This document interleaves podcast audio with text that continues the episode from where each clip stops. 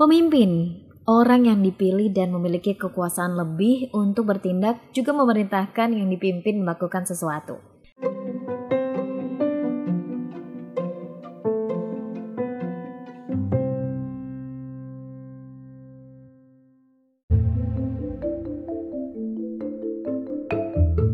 Episode ini adalah bagian dari tantangan 30 hari bersuara 2022 yang diselenggarakan komunitas The Podcasters Indonesia.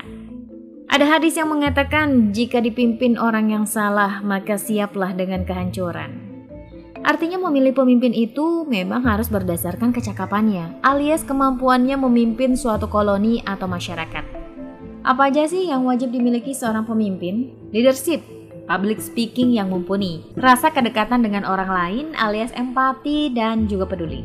Gak banyak yang bisa menguasai ini. Pemimpin biasanya dipilih karena mayoritas orang mengagumi cara ia berbicara dan meyakinkan publik. Padahal gak semua yang pintar itu peduli dan peka terhadap masalah sekitar.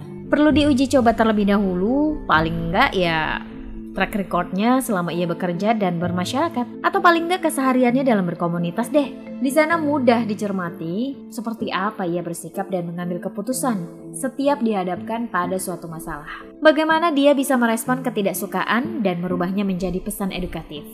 Bukan menghakimi atau menyalahkan orang yang mengkritik atau memberi pendapat.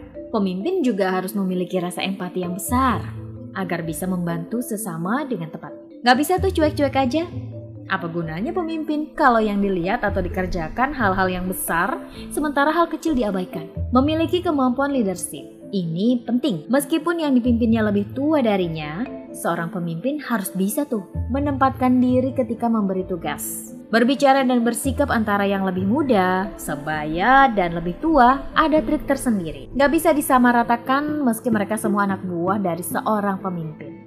Supaya mereka mau mengerjakan apa yang diperintah, Seorang pemimpin juga harus punya skill persuasif yang mumpuni. Tidak terkesan bosi, tapi memang sedang memerintahkan sesuatu. Ya, ada juga sih yang suka dengan karakter pemimpin yang royal alias gak pelit. Kalau ada rejeki, traktir anak buah lah sesekali. Ini untuk menjaga hubungan silaturahmi dan kedekatan antar anggota. Ada istilah semua masalah bisa diselesaikan di meja makan. Mungkin ini yang dimaksud pemimpin yang harus sering-sering traktir anak buah. Kamu tipe pemimpin yang seperti apa nih?